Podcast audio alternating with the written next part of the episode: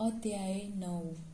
प्रश्नहरू सोध्दै यो सत्र सुरु गर्न तपाईँ आफ्नो पाल्तु जनावरको लागि केही प्रश्नहरू लेख्न सक्नुहुन्छ।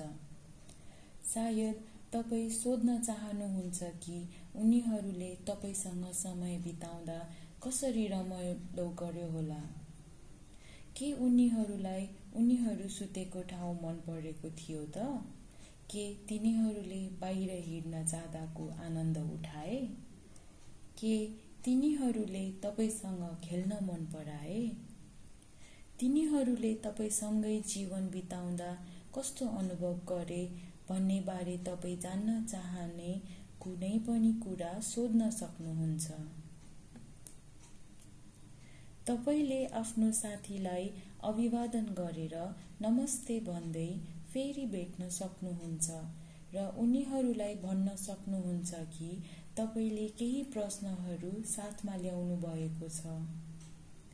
केवल पहिलो प्रश्न सोध्नुहोस् र जवाफको लागि सुन्नुहोस्। जवाफ एक शब्द वा वाक्यमा हुन सक्छ। यो एक तस्विर वा भावना एक गीत वा कुनै दृश्य पनि हुन सक्छ।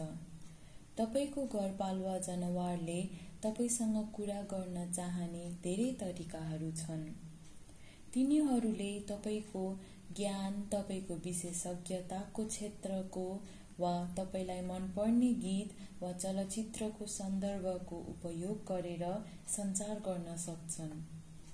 तपाईँको घरपालुवा जनावरले तपाईँलाई भित्रबाट चिन्दछ र तपाईँलाई जवाफहरू सञ्चार गर्ने उत्तम तरिका खोज्नेछन् बस खुल्ला धारणा राख्नुहोस् र सुन्नुहोस् र सन्देश प्राप्त गर्नुहोस्।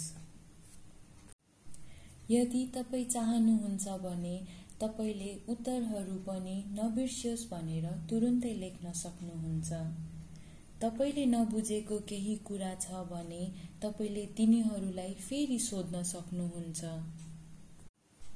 कृपया तपाईँ मेरो लागि स्पष्ट गरिदिन सक्नुहुन्छ। यसको मतलब के हो? के तपाईँ मलाई यो फरक तरिकाले भन्न सक्नुहुन्छ ताकि म तपाईँको मतलब बुझ्न सकु?